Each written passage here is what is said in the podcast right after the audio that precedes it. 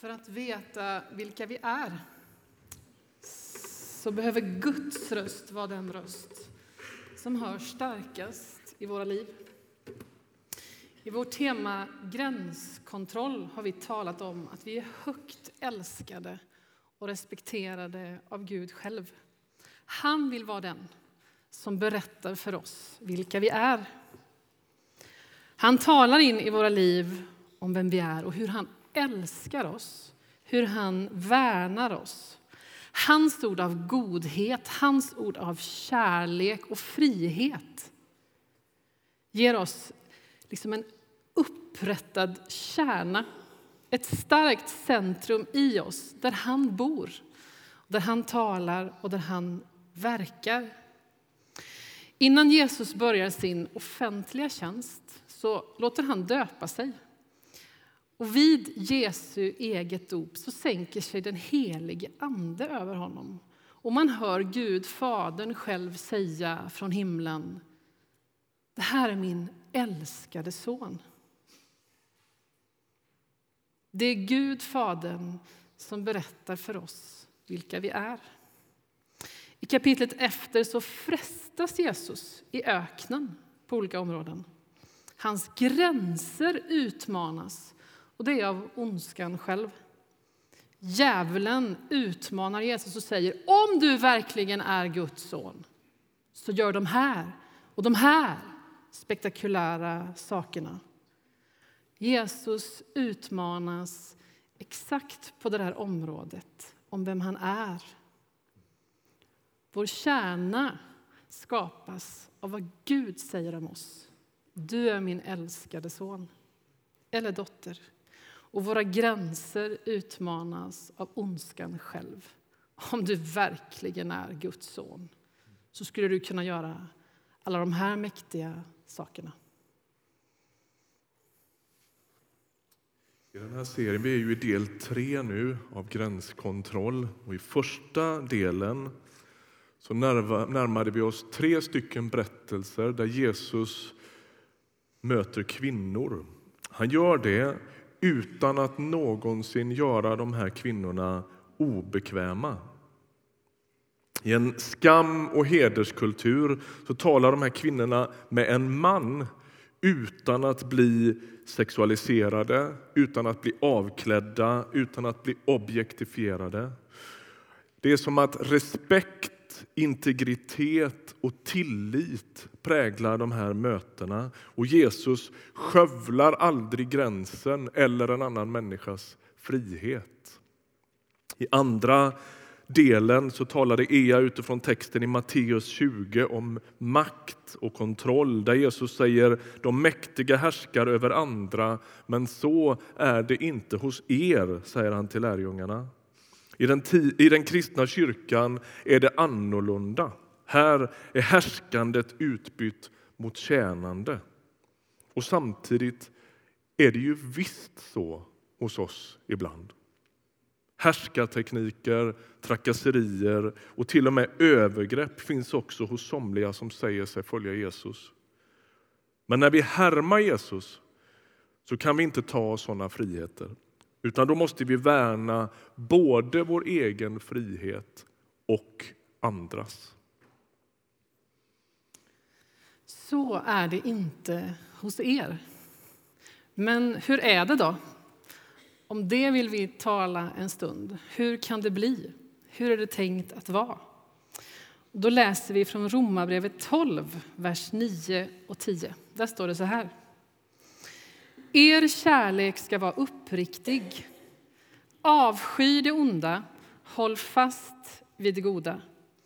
Visa varandra tillgivenhet och broderlig kärlek. Överträffa varandra i ömsesidig aktning. I dagens text så är det som att Paulus, vi är ju i kapitel 12 av ett ganska långt brev, och det är som att han byter uttryckssätt här. Han går ifrån att i vanliga fall tala i ganska långa, komplicerade meningar med långa bisatser och syftningar och så, till att plötsligt uttrycka sig väldigt kraftfullt, kärnfullt och kort. I första meningen så finns det egentligen inget verb. Det här är skrivet på grekiska från början. Och En ordagrann översättning skulle snarare vara uppriktig kärlek, kolon. Så skulle man kunna översätta första uttrycket här, om man ska vara lite petig. Och sen följer fyra ganska kärnfulla uppmaningar som vi tänker att vi vill närma oss en i taget nu. Då. Den första, avsky det onda, säger Paulus. Det är ju märkligt. Först pratar han om kärlek och så direkt på det följer ett ord som översätts med avsky eller i vissa bibelöversättningar till och med med hat. Hata, avsky, stå emot det onda. Och det är noterbart att man får känna avsky inför det som är destruktivt och ont. Kärleken är inte sentimental, utan den skiljer mellan ont och gott. Ibland tänker jag att vi kristna har liksom möljat ihop de här begreppen och så har liksom vårt snack om, tro, om, om, om nåd och barmhärtighet fått oss att sopa saker under mattan och så geggas allt ihop tills vi varken vet ut eller in.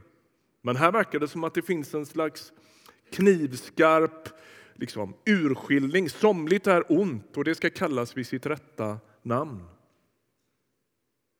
En slags helig indignation. Det här är inte okej. Okay. Hit men inte längre. Och då är frågan hur det här kopplar till vårt tema om gränskontroll. Om du inte har varit med de andra gångerna och tycker den här inledningen var rätt svårfångad så handlar det här ju egentligen då om hur vi möter varandra eh, där makterna och andra människor kan ha skövlat vår integritet och vi behöver få den upprättad igen. Där naturligtvis hela metoo-hösten för två år sedan finns som en sorts bakgrund till det här. För många år sedan så fanns jag som ledare i ett sammanhang där gamla historier runt en av mina företrädare som ledare plötsligt började komma fram. Och berättelserna som nådde oss då handlade om maktövergrepp men också om grova sexuella övergrepp i en kristen miljö. När vi hörde det där så ställdes vi inför frågan hur gör man något rättfärdigt med den här informationen som har nått oss. Och samtal fördes naturligtvis med de här som hade berättat sin berättelse. Och Det är noterbart att de sa så här. Eh, de har levt med den här berättelsen i många år om gränsöverskridande och övergrepp och tänker om jag någon gång berättar detta kommer ingen att tro mig. Därför blev det viktigt att få säga det. Vi tror på er berättelse. Och så sökte vi upp ett antal människor som hade funnits väldigt nära den här ledaren för att utröna om det fanns fler som gick och bar på en sån här berättelse, vilket det gjorde. Då fanns det ganska starka krafter som vaknade som önskade att vi skulle ligga lågt med den här informationen. Väck inte den björn som sover. Vi kan inte överblicka konsekvenserna om det här blir offentligt. Det skulle kunna hota vår verksamhet. Och i, ibland använder vi också lite religiös fernissa i det där. Ja, men det är nog bäst att vi lämnar det här till Herren. och så. Och då blev det viktigt att bestämma sig. Vem ska skyddas nu? Ska offren skyddas eller ska verksamheten skyddas? Och så slutade det där med att vi faktiskt gick till polisen tillsammans med ett antal män som burit på sin fasansfulla berättelse i många år i tron att de var ensamma och att ingen skulle tro dem.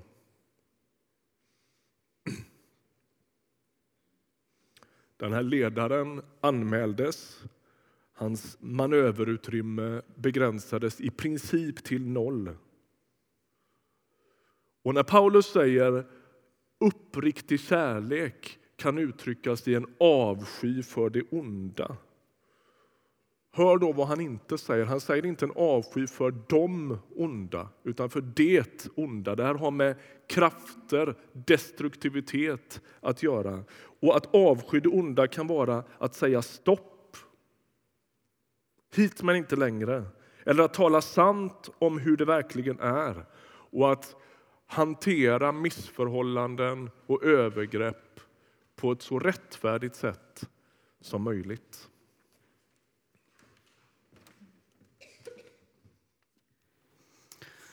Uppriktig kärlek handlar också om att hålla fast vid det goda. Påfallande ofta uppmanar oss Bibeln till att vara uthålliga, att stå fasta, att stå kvar, att hålla fast, att kämpa kampen, att liksom hålla ut i det långa loppet. Och det står ju inte avsky det onda och älska det goda som en sorts två känslolägen, utan det står avsky det onda Håll fast vid det goda. Är det kanske så att det är ganska lätt att ge upp om det goda? Är det för mycket runt oss som matar på med bilderna om alltings elände, som ropar ut att det ser faktiskt ut som att ondskan segrar? Vi säger ju ibland att en god nyhet ger oss hopp om mänskligheten. Är det så att vi nästan lever med en slags bevisbörda? Vi har liksom fullt sjå att hålla näsan över vattenytan och titta, där var det lite gott ändå. Vi lever med Ja, vi behöver bevisa att det finns godhet, att det finns det goda, att det inte är ute med oss trots allt elände. Håll fast vid det goda. Notera varje litet tecken på att godheten liksom är och färde. För godheten är Gud själv. Fokusera där och ge inte upp hoppet. Älska uppriktigt. Jag tänker att vi behöver se över våra egna liv. När riskerar jag att vi alla att kliva över en annan människas gränser, att inkräkta på en annan människas integritet och känslor? När blir vi dömande, nedvärderande, egoistiska och ovänliga? Håll fast vid det goda. Håll fast vid dina goda föresatser. Gör mer och mer gott. Ge inte upp om den uppriktiga kärleken. Kanske är vår utmaning just det, att liksom stå kvar, att hålla fast i den här striden, i kampen mellan ont och gott. Att inte bli blasé eller uppgivna eller tycka att det här är något slags snällt prat om att vara schyssta i trafiken. Det är något mycket mer än så. Det är lätt att bli desillusionerad när liksom nyheterna strömmar emot oss. Se till att du inte blir likgiltig. Var outtröttlig i din kamp för det goda. Stå kvar. Fortsätt på godhetens väg, i godhetens tjänst. Därför att det är i Guds tjänst. Det är hans uppdrag. Det är ingen jultomteberättelse. Det är från Gud själv det kommer. Det är om honom vi ständigt hör och det är om honom vi ständigt säger. Han är god. Uppriktig kärlek, kärlek som uttrycks, kärlek i praktisk handling behöver att vi håller fast vid det goda, vid godheten, nämligen vid Gud själv som är god.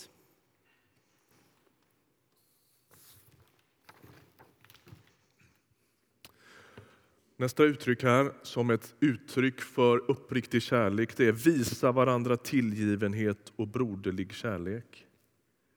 Tillgivenheten är på grekiska ännu då, ett ord som handlar om kärleken i en familj, från förälder till barn. Och det där andra ordet, som här översätts med broderlig kärlek, det heter Philadelphia på grekiska, alltså ursprungsnamnet på vår församling. Det är ju ganska kaxigt namn på sätt och vis. Kallar sig för Philadelphia. Det är vi som älskar varann broderligt och innerligt. Paulus beskriver församlingen som en sorts familj. Och tanken är att vi möter varandra som föräldrar och barn, som bröder och systrar. Föräldrar och barn, bröder och systrar. Såg vad jag gjorde? Mm. Och möjligen finns det någonting här värt att gest försöka gestalta då. När mötet människor emellan i vår kultur allt för ofta sexualiseras. Där flörten och sexuella undertoner finns där liksom ständigt och jämt. Jag säger inte att det nödvändigtvis är dåligt.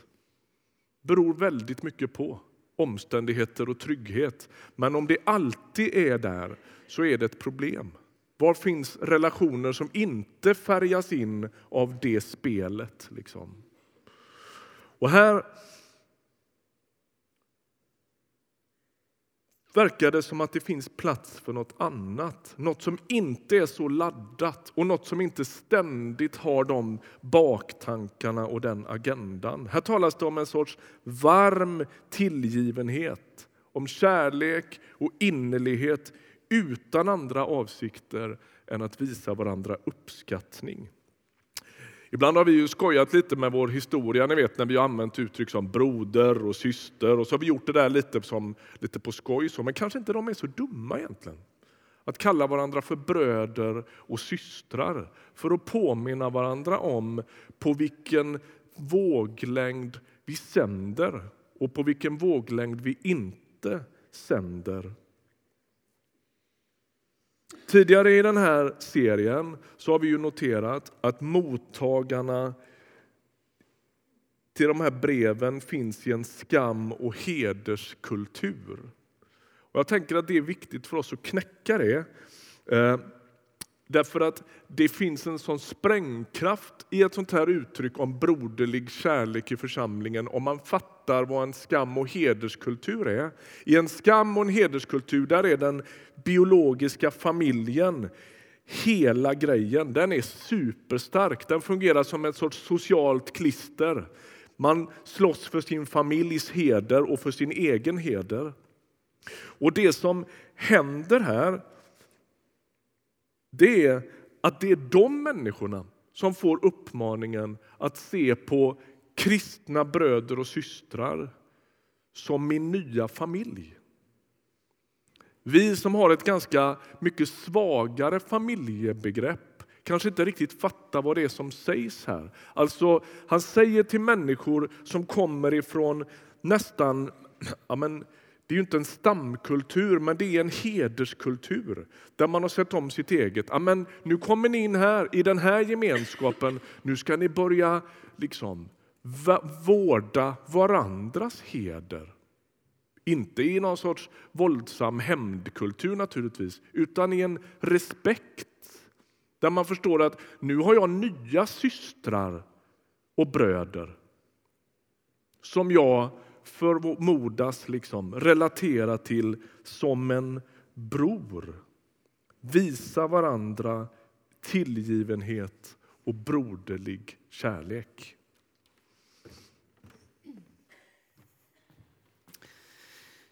Jag har aldrig undersökt hur många uppmaningar till tävling det finns i Bibeln. Är det någon som har gjort det? Ni har räknat när ni har läst igenom? Nej, men jag har hittat en. Och den finns ju här då överträffa varandra i ömsesidig aktning. Det vill säga tävla om vem som mest av alla kan visa aktning. Det finns ju många uppmaningar till kamp, att springa mot målet, att härda ut och sånt. Men att liksom vinna över de andra, jag vet inte om det finns så många. Ett sätt alltså att utöva uppriktig kärlek, det är att bli bäst i hela församlingen på att visa respekt. Gör det lite mer än de andra. Var uppfinningsrik. Kom lite längre än förra veckan. Slå dig inte till ro. Akt, gör det på nya sätt. Eh, aktning som betyder respekt, att, att höja upp, att sätta ett väldigt högt värde på. Det ska få stor plats. Det ska få hög status, mycket plats i budgeten och det ska ägnas många högskolepoäng för att nå dit. Eller? Vi ska liksom bräcka varandra i vår iver att nå lite längre i den ömsesidiga respekten. Helst ska vi komma längst av alla. Vi kommer ju ganska lätt undan med så här lite inre verb. Nu lät det lite östgötsk. Verb heter det. Eh, som så här, känn, tänk, prioritera kanske. Det går att sitta hemma i fåtöljen och prioritera och tänka ut och känna. Det är ganska vaga begrepp. Men det är klart att visa varandra och överträffa varandra det gör man inte hemma i någon fåtölj, utan det kräver lite action. Det är tillsammans det händer. Det är lite mer upp till bevis. Det märks och det syns. Den här aktningen, den här respekten, det här värderandet behöver liksom få händer och fötter. Det behöver uttryckas. Det hjälper inte mycket om jag sitter hemma i min fåtölj och högaktar er i största allmänhet. Ni kommer inte ha någon större glädje av det. Upp till bevis. Vem gör det mest av alla och får en medalj på nyårsafton? Och kanske är det så att det här är liksom så flummigt med uppriktig kärlek. Så att vi behöver en liten tävling för att det ska bli någonting av det. Vi behöver kanske en så här uttrycklig utmaning. Det här ska uttryckas i gemenskapen. Det ska få händer och fötter och synas. Tänk när det här får växa. Tänk vad många gränser som inte skulle skövlas, som inte skulle skadas, som inte ens skulle naggas i kanten. Vi är Guds gåvor till varandra. Vi ska alla visa ömsesidig aktning. Vi ska älska uppriktigt.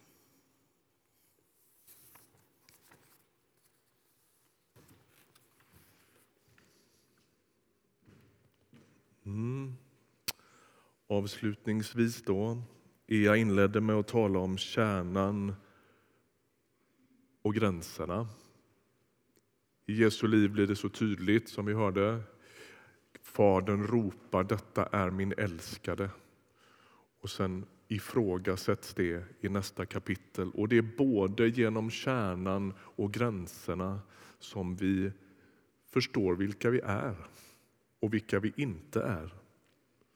Gud ropar sin kärlek över våra liv och där vinner vi vår djupaste identitet när Johanna dansade innan här så blev det så tydligt. Va? Du säger till mig vem jag är. Och när den identiteten ifrågasätts, då måste vi få säga nej. Vi har sagt tidigare i den här serien, när någon skövlar dina gränser, när någon utövar en sorts um, respektlös, uh, ja, men går för långt i relation till din integritet så skövlas också Jesu gränser. Han identifierar sig så med dig att han står bredvid dig när det sker. Och han tycker inte heller att det är okej. Okay.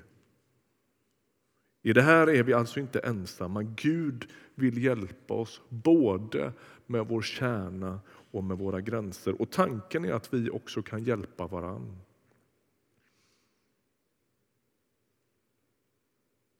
I mötet med varann kan vi göra djupa erfarenheter av att vi är Guds älskade.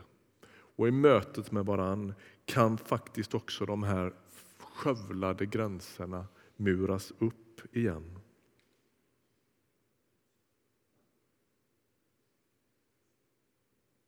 Det här ska inte förstås som en sorts hurtfrisk um, to-do-lista det som är grejen är att vi dras in i Guds verklighet börjar bli så hemma i oss själva att vi hittar vår kärna och börjar respektera andras kärna. Det är liksom grejen. Han bjuder in oss i en befriande närvaro där vi allt mer blir oss själva. Ska vi be tillsammans?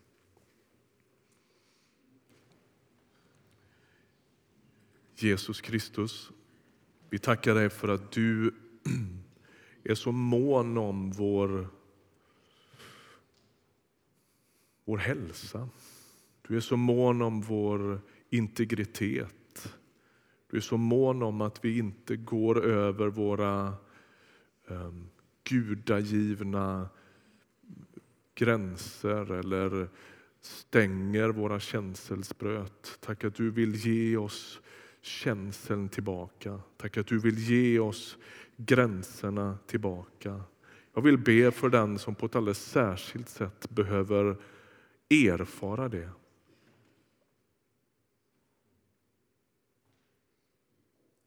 Och så vänder vi oss till dig, du som botar vår skada.